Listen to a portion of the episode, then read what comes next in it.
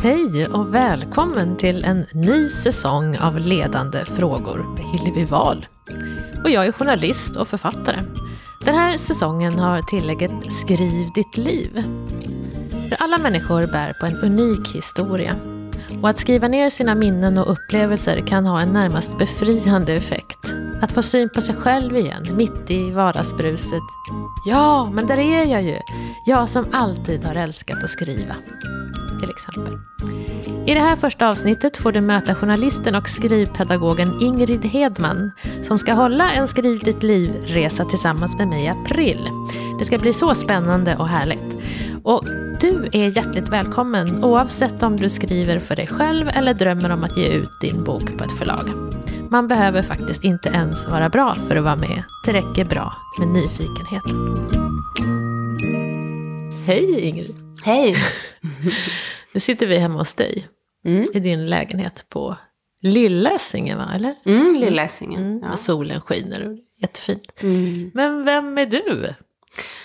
Ja, vem är jag? Eh, jag är journalist, eh, nyutbildad skrivpedagog. Jag har anordnat resor till Spanien ganska mycket eh, sedan 2014. Ehm, och eh, ja, det har varit skrivarresor men sen har det också varit andra typer av resor som yogaresor och mamma baby-resor och sådär också. Så det har varit lite allt, allt möjligt. Men just skrivandet ligger ju mig närmast om hjärtat kan man ju säga eftersom jag har ägnat väldigt stor del av mitt yrkesliv till just skrivande. Mm. Skrivpedagog, mm. vad är det? Eh, jag har gått på Skurups folkhögskola som har en väldigt bra skrivpedagogutbildning. Eh, att eh, det handlar om att man ska kunna vägleda och guida och coacha personer som skriver och som eh, ja, vill utveckla sitt skrivande. Eh, så att det har vi gjort under ett års tid då. Eh, det är en distansutbildning som man kan gå med obligatoriska träffar också så att vi har fått träffas och, och eh, haft olika övningar ihop. För det är viktigt att vi också som pedagoger får gå igenom olika typer av övningar för att se hur det känns och så. Och sen är det tanken att vi ska kunna då eh, ja, hålla de här övningarna för en klass till exempel eller en enskild eh, skribent. Mm. Men vad, gick i Skurup sa du? Mm, Skurup, ja. ja. Skurup, jag har ju sökt in till någon folkhögskola mm. gång men inte kommit in. Nej, just det. Du sökte till journalistutbildningen där kanske? Ja, precis. Ja, och den har ju väldigt bra renommé. Ja, det har den verkligen. Och jag vet inte riktigt hur det är nu idag när det gäller journalistiken. Men då kom jag ihåg på 90-talet, när jag sökte in så var det ju det var väl den, den främsta utbildningen egentligen, om man nu inte ville gå eh, ja, eh, journalisthögskolan, så, så var det väl Skurup och ett par andra folkhögskolor som gällde. Så det var ju stenhård konkurrens och, och man fick åka dit och göra arbetsprover minns jag, och jag var jättenervös. Och, och ja, kom ju inte in då, då tyvärr, men, men nu gjorde jag det ungefär 20 år senare. Så det är aldrig för sent? Nej, liksom. nej, nej. det är det inte. Det var många på den här utbildningen som var äldre än jag, som var, alltså, kunde vara 60 plus. Liksom. Så, det, så att jag tror att det här med att vara skrivpedagog, är ju, det finns ju liksom, ja, det finns ju ingen åldersgräns sådär, utan, utan det, det kan man ju börja jobba med när som helst. Mm. Men det här skrivandet, har det alltid funnits i ditt liv? Ja, eh, det har det. Absolut. Ända sedan jag var fyra, fem år tror jag. Liksom. Jag har väldigt tidiga minnen från när jag började började skriva och liksom hitta på egna historier och levde i en liten eh, egen bubbla där, där jag kom på historier. Mycket handlade om hästar, för jag var ju hästtjej då under många år. Så jag skrev liksom mina egna böcker kan man säga, liksom och häftade ihop dem hemma. Liksom, och mycket om tjejer som hade hästar som sagt och, och, och sånt. Och, och eh, så ja, så det där historieberättandet har funnits väldigt länge. Och jag läste väldigt mycket böcker. Min mamma eh, eh, såg till att jag fick läsa väldigt mycket. Eh, så det tror jag liksom la grunden för intresset och, och, och mitt, mitt skrivande. Liksom, att, att jag fick läsa väldigt mycket. Så det var kul. Mm. Du blev journalist. Mm. Ja, hur, hur gick det till när du blev journalist? Ja, alltså jag vill ju bli författare egentligen. Mm. Eh, jag tror att det är ganska många journalister som kan känna igen sig i det där. Att, ja, men hur ska man liksom försörja sig som författare? Eller hur ska man liksom... Eh, man, det, så, det, var lite så krampaktigt för mig också just det här med att skriva den här romanen liksom, som man ska ha gjort. Då. Eh, men men eh, jag, eh, eh, nej men jag bestämde mig ganska tidigt för att utbilda mig till journalist. För att jag har ett samhällsintresse och jag tycker om att skriva. Och, och, och liksom det, det passade mig. Det. Så, så, men jag gick inte, jag hade en ganska strulig skolgång. Eh, så att jag jag gick faktiskt eh, eh, Poppius eh, journalistskola gick jag i mitten av 90-talet. Eh, och sen hade jag praktikplats på Vagabond till exempel. Liksom. Det, var, det var så. Det var min stora dröm just det här att resa och skriva. Liksom. Det var någonting som jag väldigt tidigt liksom, gick runt och, och, och drömde om. Och, eh, och då få möjlighet att, att liksom få komma till Vagabond och praktisera. Det var ju liksom ja, himmelriket för mig, verkligen. Och, eh, ja. och jag hade faktiskt två drömmar när jag var ungefär, ja, när jag var tonåring. Min, min stora idol var eh, eh, eh, eh Birgitta Stenberg, författaren ja. Birgitta Stenberg. Och eh, hon har ju skrivit om sina resor, det är väl väldigt mycket där. Och det var väl lite grann så också, resor, Birgitta Stenberg, vagabond liksom sådär. Det, det var, och sen som sagt när jag var 23 så fick jag en praktikplats på Vagabond och då fick jag också möjlighet att intervjua Birgitta Stenberg. Så jag fick åka till hennes hem i Tiveden och intervjua henne då. Eh, och, och sådär. Det var ju fantastiskt, verkligen, verkligen jättekul. Eh, men jag kan berätta då som en lite rolig grej där om, om vi har tid. Att, eh, att jag somnade under intervjun med henne. Och det var helt galet, för jag var så nervös innan jag skulle åka till henne. Eh, så jag kunde inte sova natten innan. Jag låg och vände och vred mig hela natten. och så när jag åkte dit på tåget så försökte jag ju sova på tåget, för det är en ganska lång tågresa mellan Stockholm och Tiveden. Flera tågbyten och så. Men jag lyckades inte somna då heller, så jag var helt slut när jag kom fram till henne. Så jag kommer ihåg under tillfällen när hon var ute i köket och skulle hämta kaffe eller så, så slumrade jag till i soffan. Där så att hon kom tillbaka och tittade lite konstigt. Hallå, är du vaken? så att ja, det var lite roligt faktiskt. Första enda gången jag har råkat ut för det. Att jag har somnat under en intervju. Men det är ju också ett väldigt gott betyg till henne. Du måste ha känt dig mm. väldigt trygg där då också, eller? Ja, jo, jo, ja, det kan man väl kanske säga. Eller så var jag bara väldigt, väldigt, väldigt trött. ja, det. Ja. Men det var, det var en sån stor anspänning. Ja. Hon var så stor för mig. Alltså, hon var ju liksom jag har ju läst mm, alla hennes böcker och, och, liksom, och tyckte jag såg ju verkligen upp till henne. Och då att få åka dit och träffa henne, det var så stort för mig. Så att, så att ja, jag var jätte, jättenervös verkligen. Eh, men det blev en bra artikel i alla fall. Och, och, mm. Levde hon upp till alla förväntningar när du träffade henne? Ja, men det tycker jag. Jag hade med mig en flaska Dubonnet till henne, en sån här likör. Och det var så roligt, för hon skrev i Kärlek i Europa, så hade hon nämligen skrivit att det var den första eh, alkoholen, eller var det första som hon provade när hon kom till, till, till eh, Paris då på 50-talet. Så jag hade med mig en flaska Dubonnet till henne, faktiskt som en gåva då. Eh, och ja, Nej, men hon var fantastisk, verkligen. Un underbar. Men hon tog över hela intervjun. Mm -hmm. Hon ville liksom inte svara på mina frågor, utan hon ville köra liksom, den här intervjun på sitt sätt. Och, men ja, ja men väldigt karismatisk person. Och, och hon var ju sådär hon var 65 då ungefär. Hon berättade att hon hade varit i Rom precis och varit ute och festat hela natten. Att hon var lite trött liksom. Eh, hon, var en, hon var en sån härlig människa. Mm. Så, ja. det är, så det här med resandet och berättelserna om människorna, möten med människor. Det är mm. lite så du tänker kring. Mm. mm.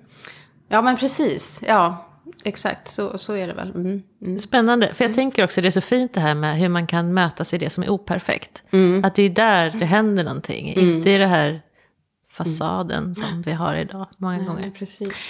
Och, och de här skriv, du har ju arrangerat skrivarresor nu i flera år. Mm. Både i Sverige och mm. Spanien bara, eller? Nej. Ja, precis i mm. Spanien. Mm. I Sitges utanför Barcelona. Mm. Hur kommer det sig att du började med just sådana här resor? Ja, jag gick en utbildning, eh, en turismutbildning 2013 till 2015 eh, på Travel Education Center i Stockholm. Och, eh, och jag drömde då om att få starta upp en egen, ett eget företag som arrangerade resor utomlands då mm. främst. Eh, så jag var i Barcelona och gjorde en praktik. Eh, och så, eh, ja, på ett företag då, där en sån, här, en sån här DMC som det heter. Eh, ett företag som tar emot turistgrupper från, från Sverige då främst. Eh, i, I Barcelona. Och jag eh, praktiserade där och eh, tog fram lite olika typer av paket till dem. Eh, men så tänkte jag så här, nej men jag jag ville göra det här själv. Och då kom jag i kontakt med Mikael också som har Villa Sunshine då. Och han sa det, men kör själv liksom. Det är klart att du ska göra det. Liksom. Kör de här resorna. Du behöver inget annat företag utan du, du kan köra i egen regi. Så att jag startade ett eget företag då som eh, eh, Catalonia Travels heter det. Eh, och då började jag då arrangera resor. Eh, den första resan var mamma baby då, för då var jag själv relativt nybliven mamma. Eh, hade fått barn då två år tidigare och eh, saknade just det här att kunna åka iväg på en yogaresa med min bebis.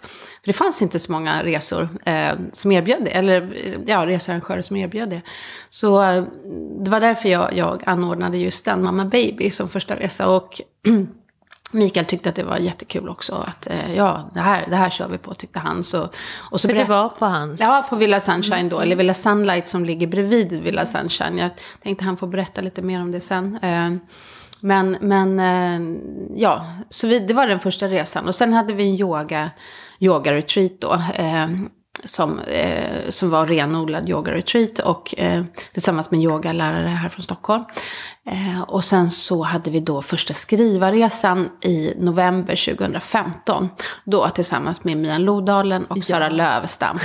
Eh, och det var ju liksom startskottet lite grann för skrivarresorna kan man säga. För att det var ju, sen bestämde jag mig då för att jag skulle helhjärtat satsa på just skrivarresor. För att det blev för spretigt med olika sådär inriktningar. Nu har jag ju yoga med på, på mina skrivarresor också. Men jag ville liksom, eh, ja, inrikta mig just på, på skrivandet. Eftersom det är min nisch och det som jag brinner för. Mm. Mm.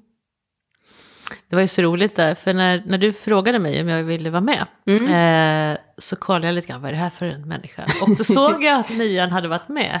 Ah. Och då blev jag så, ja men om hon är kompis med Mian, då är hon en bra människa. Liksom direkt ja. så behövde jag inte se något mer. Så där är det ju, vissa människor, ja. Eh, ja. Ja, gillar hon honom eller henne så, så då är det en bra människa. Ja, just det. Ja. Varför tycker du att det är så kul då med de här skrivarresorna? Vad är det med dem som gör, för det är ju himla mycket jobb också. Ja, mm. men jag har alltid varit en sån här fixare, en sån här projektledare som tycker att det är kul att ställa till med kalas och middagar och eh, olika aktiviteter och sådär. Så att det här var liksom en perfekt sätt för mig att få liksom ordna då eh, för en grupp som vill komma bort. Och som sagt resor också jätteviktigt.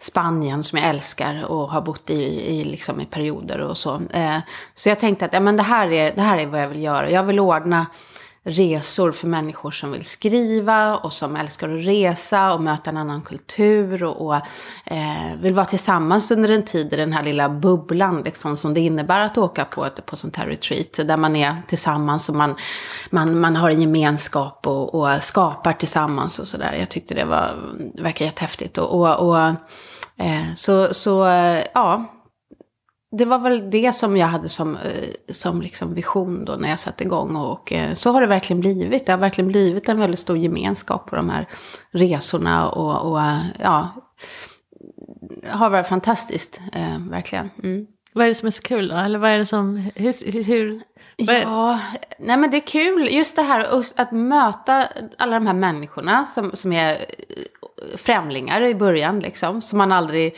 som man inte vet någonting om eller sådär, var kommer de ifrån? Och så, så träffas man och så liksom lär man känna varandra. Och sen på slutet så är det alltid så sorgligt. Man har kommit varandra så nära under den här korta tiden och man har liksom, eh, ja, som sagt varit i den här bubblan tillsammans. Och så ska man åka hem och det är alltid lite sorgligt. Och, och det, eh, och ofta så är det ju här personer som man har kvar sen i livet också, som man fortsätter att träffa. Och det har efter våra kurser har det ofta startats här skrivarcirklar och skrivgrupper. Liksom. Så de har fortsatt att träffas och skriva tillsammans. Så det är ju superkul verkligen. Ah, ja, och, eh, nej, men så det är väl det liksom som är, som är roligt. och, och, och Och just också, jag gillar ju att fixa och det är ju inte bara skriva utan det handlar ju om annat också. Det handlar om maten, drycken, eh, aktiviteter. Så att skapa den här helheten som liksom, det är väl det som deltagarna också uppskattat. Att man får, man får så mycket liksom. Man får liksom, det, det, den här avkopplingen och, och kreativiteten. Man har tillsammans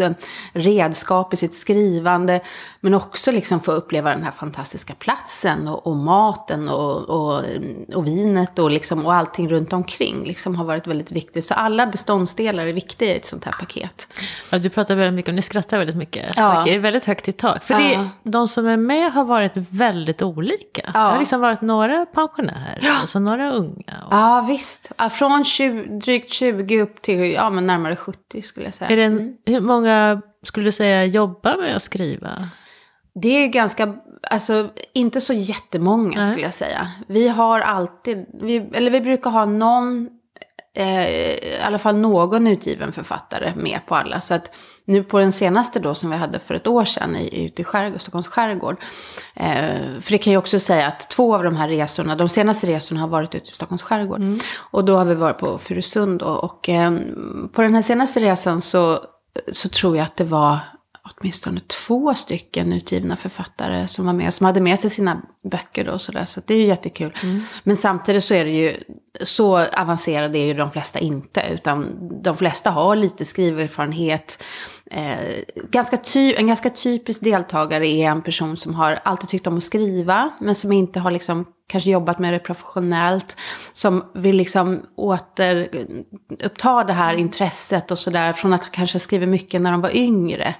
Eh, och så. Och, eh, och de vet att de mår bra av skrivandet, och de, men de har liksom inte kommit igång med det liksom. Så då vill de ha den här kicken att liksom, ja, nu tar jag tag i det här liksom och, och sätter igång och, och skriver. Så att, eh, och det får de verkligen här liksom. Det, det är väl det vi brukar få höra att, ja, Åh, tack för att, jag liksom, att, att ni gav mig den här inspirationen och motivationen till att eh, äntligen ta tag i mitt skrivande. Ta tag i den här romanen som har legat, de kanske har börjat skriva på någon roman eller noveller eller sådär som ligger i, ja, liksom i byrålådan sedan några år tillbaka. Och de, nu får de en möjlighet att liksom återuppta det jobbet med det. Och, och så att det... Mm. Ja, fint. Mm. För det där tror jag väldigt mycket på, att, man, att vi tappar bort oss själva lite mm. grann i den här världen som vi lever i nu. Mm. Um, och de här sakerna som man verkligen har älskat att göra, som mm. att skriva till exempel. Att, um, att det får liksom komma lite på mm. undantag. Ja. Medan vi behöver verkligen ja. det. Vi behöver den här tiden för reflektion och ja. fundera. Um, temat för resan som du och jag ska göra tillsammans, mm är ju självbiografiskt skrivande. Mm, mm. Varför det nu? För förut har det varit lite mer vad som helst. Ja, mm. alltså, ja precis. På kurserna med Mian och Sara så har mm. det varit, eh, de har, de har varit öppna för alla typer mm. av skri skrivande. Mm. Liksom. Det kan vara allt från poesi till, till prosa. Liksom då. Men eh, eh den här den här kursen har jag velat ordna väldigt länge för att jag, eh, jag är väldigt förtjust själv i just det här självbiografiska skrivandet. Jag har läst många självbiografier och eh, biografier, självbiografier och självbiografiska romaner. Det är mycket liksom att reda på där. Men, eh, och jag tycker att det är väldigt spännande. Det händer någonting när vi skriver om, om våra egna liv. Och jag fick också höra när jag jobbade på Vagabondo i början att Eh, ja, men du skriver bra artiklar och sådär. Men när du, fick jag berättade chefredaktören då för mig, sa du skriver bra artiklar och sådär. Men när du skriver om dig själv och någonting som du själv har upplevt, då händer det någonting i texten. Det är som att den lyfter, det är som att det liksom man, du, du får in den här känslan liksom och sådär. Det är självupplevt, det, är liksom, det får en annan nerv, en annan liksom glöd liksom när, du, när du skriver om, om det som du själv har varit med om. Um, och, eh, så jag har alltid tyckt att det har varit väldigt roligt att skriva utifrån mitt eget perspektiv. Jag kanske är extremt självupptagen, jag vet inte, men det, eller ego, men jag tycker att det är så roligt att skriva om mig själv och mina egna upplevelser och tankar och liksom och sådär. Och, men jag tror ju att det är även någonting som gör att många andra känner igen sig liksom. Och, och tycker att, och jag, som sagt, jag tycker själv att det är väldigt roligt och inte minst då under Birgitta Stenbergs, eh, ja när jag har läst hennes böcker. För det är ju, hon har ju den här, den här serien då som handlar om hennes eget resande och egna upplevelser. Och det är, det är så smärtsamt och det är så utlämnande och det är så, eh, vad ska man säga, det, det, det det, det liksom berör verkligen på djupet tycker jag. Och man känner det när en författare skriver om, om, om sig själv. Liksom. Eh, så den genren har jag ju varit väldigt nyfiken på. Jag håller på att skriva själv sen ja, många år tillbaka. Det här är sådana här evighetsprojekt som aldrig kommer i land. Men det är en bok som handlar om en resa som jag gjorde i Asien 99. Den är på 300 sidor hittills. Den kommer landa någonstans på 500 om jag inte har en väldigt strikt lektör som kommer in och kapar. Men, men, eh, eh ja, men så där, det här projektet har jag hållit på med väldigt länge. Så jag har tampats med de här frågorna kring det självbiografiska skrivandet. Hur mycket får man lämna ut av sig själv och framförallt av andra? Liksom, vad vad, eh, hur trogen måste man hålla sig till liksom verkligheten? Eh, många sådana saker, minnet liksom. Hur, oj, herregud, det här var ju över 20 år sedan liksom det här hände. Vad, eh, liksom vad, eh, hur ska man komma ihåg, hur ska man kunna återberätta saker som har hänt för så länge sedan? Liksom? Och, och att, ja, så att det, det, är många aspekter kring det självbiografiska skrivandet som jag tycker är intressant. Mm. Eh, så att det var väl det. Och sen har jag också tänkt på det här, vilket jag förstår är ganska Eh, eh, vad ska man säga, ganska aktuellt idag. Att man, många är intresserade av att skriva sin egen, egen historia. Mm. Kanske inte för att ge ut och bli liksom en känd författare, liksom, utan mer för sig själv och för sina nära. Att man vill skriva en självbiografisk roman som man kan ge eh, i present till ett barnbarn till exempel, barn eller barnbarn. Eh, så då tänker jag, men det är ju det är helt fantastiskt att man kan göra det och att man nu kan ge ut boken själv. Man behöver inte eh, vänta på att ett förlag ska då eh, förhoppningsvis anta det här manuset. Utan att man kan faktiskt ge ut boken på egen hand. Verkligen. Och det möjliggör ju faktiskt för väldigt många fler att skriva och berätta sin historia. Mm. Och jag tänker också att, eh, ja mycket tänker jag när du pratar här nu, för till exempel så är det ju, eh, alltså det är nutidshistoria. Jag hade ju önskat att jag visste mycket mer om min farmor till exempel. Mm. Nu får man ju verkligen vara detektiv och titta på foton nästan med lupp eller Eh, för man, så länge man har det runt omkring sig så, så är det som vardag. Då tänker man inte så mycket på det. Men sen när man inte har de här människorna längre. Mm. Då tänker man, gud hur var det nu? Hur var det hon uttryckte sig? Vad, vad hade hon på sig? Alltså det är så mm. mycket sånt som ändå betyder någonting. Eh, sen kan jag, just det här med kvinnohistoria tycker jag är superviktigt. Mm. Att vi har så mycket män. Mm. Mm. Inget ont om män. Mm. Eller inte alla män. Men eh, alltså det finns ett stort glapp där, där jag bara för den sakens skull skulle önska att fler kvinnor skrev ner sin berättelse. Och det behöver inte vara hela, det behöver inte vara en roman, utan mm. det kan ju vara brottstycken som ändå säger väldigt mycket mm. om den vardagen som mm. de lever eller levde i. Absolut. Mm, mm. Och det här du sa att det är egoistiskt tror jag inte alls. Utan jag tänker mer att vi är ju vandrande forskningsobjekt. Mm. Liksom. Mm. Vi har ju väldigt mycket information i oss mm. med allt vi har sett, allt vi har relaterat till. Um, alla dagar vi har levt. Det, det, är ju en kunskapsbas, alltså det är ju som vi äger. Mm. Det har vi ju inte med någon annan. Mm. Så därför kan det ju vara så väldigt vackert att, att sila det genom sina egna mm. tankar eller eh, och jag älskar ju till exempel, jag håller på att läsa nu Michelle Obamas mm. eh, Becoming, heter den, Min mm. historia tror jag den heter på svenska. Mm. Och hur blir man den man är? Mm. Liksom, vad är gener vad mm. är liksom, det historiska mm. skeendet man ja. lever i? Alltså, hur mycket, eller, och, och familjen naturligtvis. Ja. Hur, hur um, förändras tiden med uh, att familjebildningar ser annorlunda ut? Eller um, det här med klass och ras. Alltså det finns ju så mycket som påverka vem vi blir. Mm. Och att mm. då, det är ju en sån sak man kan göra, som hon gör. Att hon liksom i varje minne så, så, så berättar hon också om hur det är att växa upp och ha en annan hudfärg. Liksom, mm. i, mm. eh, och, eh, eh, alltså hur det ser ut på hennes gata. Då blir det ju inte bara svarta, vita, eh, liksom olika eh, etniska, utan då blir, då blir en människa av kött och blod av mm. det här som vi kan kalla för historia. Mm. Så det där tycker jag är väldigt kul sätt att, att skriva. Mm. Det här med att mm. man får historien genom alltså, mm. mänskliga mm. upplevelser. Ja, visst. Ja, för det handlar om så mycket mer än bara henne, utan det är ju hon i samhället, liksom, i historien. Ja, och om man då kan säga att det här är 1966, liksom, eller vad det nu är för någonting, och beskriva saker som fanns då, hur glassen smakade, vad det fanns för glassar, eller eh, inte fanns, jag säga. Och då, då, då, då får man ju med många fler människor i, ja, just det, jag kommer ihåg den glassen. Mm, ja, Eller men hur? precis. Ja, verkligen. Eller verkligen. hur det luktade, eller vilken Ja. musik som Musik är också någonting Ja. som man kan... Så, det, så jag tycker inte att det är egoistiskt att gå och använda sig själv, utan jag tänker mer att det. Mm. det var- Ingmar Bergman gjorde det hela tiden. Han har ju sk- skrivit om samma historia om och om igen, fast ur olika synvinklar. Liksom. Ja, just det. Ja, jättespännande. Nu har vi pratat så länge, vi tänkte att vi skulle göra en kort podd. Eh, I nästa avsnitt så ska vi ta lite frågor och svar, vanliga frågor och svar. Och sen är det Mikael då som Ja. ska vara på scenen. Säg lite om Mikael. Ja, ja. Mikael han har ju då eh, Villa Sunshine i Sitges där vi kommer att vara. Och det är där jag har hållit mina skrivarresor tidigare också. Det är ett fantastiskt ställe som ligger i Sitges då, som är eh, en stad, en kuststad, en halvtimmes väg från Barcelona ungefär. Så det är vårt lilla smultronställe där, där vi håller många kurser som sagt. Och som vi även ska hålla den här kursen då, nu i april. Eh, så han kommer att berätta lite grann om sin resa dit och, och lite om det här boendet och vad man kan förvänta sig av det och så, och maten och, och så. Han har ju bott i Spanien, i Sitges, i många, många år.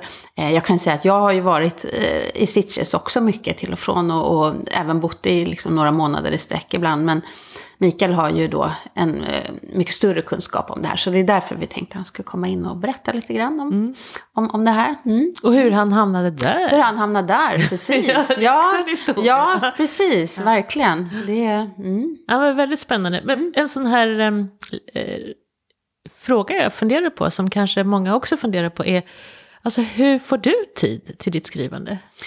Ja, oj, ja, det undrar jag också. jag får knappt det.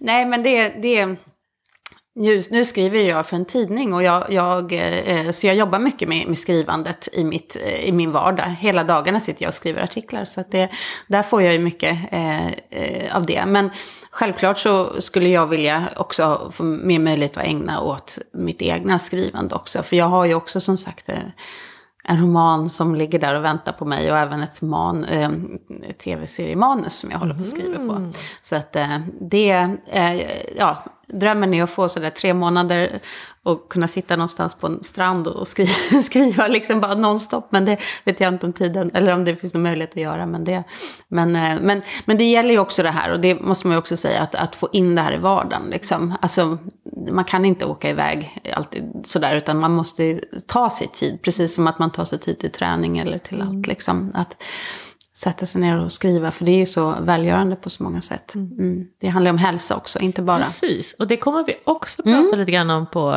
um, i sittchatsen. Alltså hur man Absolut. liksom håller Ja. som författare över tid. Ja. Mm. Jättespännande, men du, ehm, det blir några poddar till. Ja, det blir det. Ja. Ja. jättefint. Tack så mycket. Tack Ingrid Hedman. Vi möter Ingrid i nästa avsnitt också och då går vi igenom de vanligaste frågorna kring Skriv ditt liv-resan.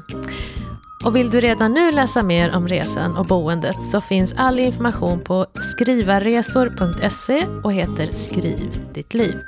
Och länken hittar ni i poddens beskrivning och finns även på hemsidan på Facebook. Och om ni gillade samtalet så blir jag jätteglad om ni delar vidare. Och vill ni kontakta mig så finns jag alltid på hillevi.hillevi.nu. Tack för att ni lyssnade.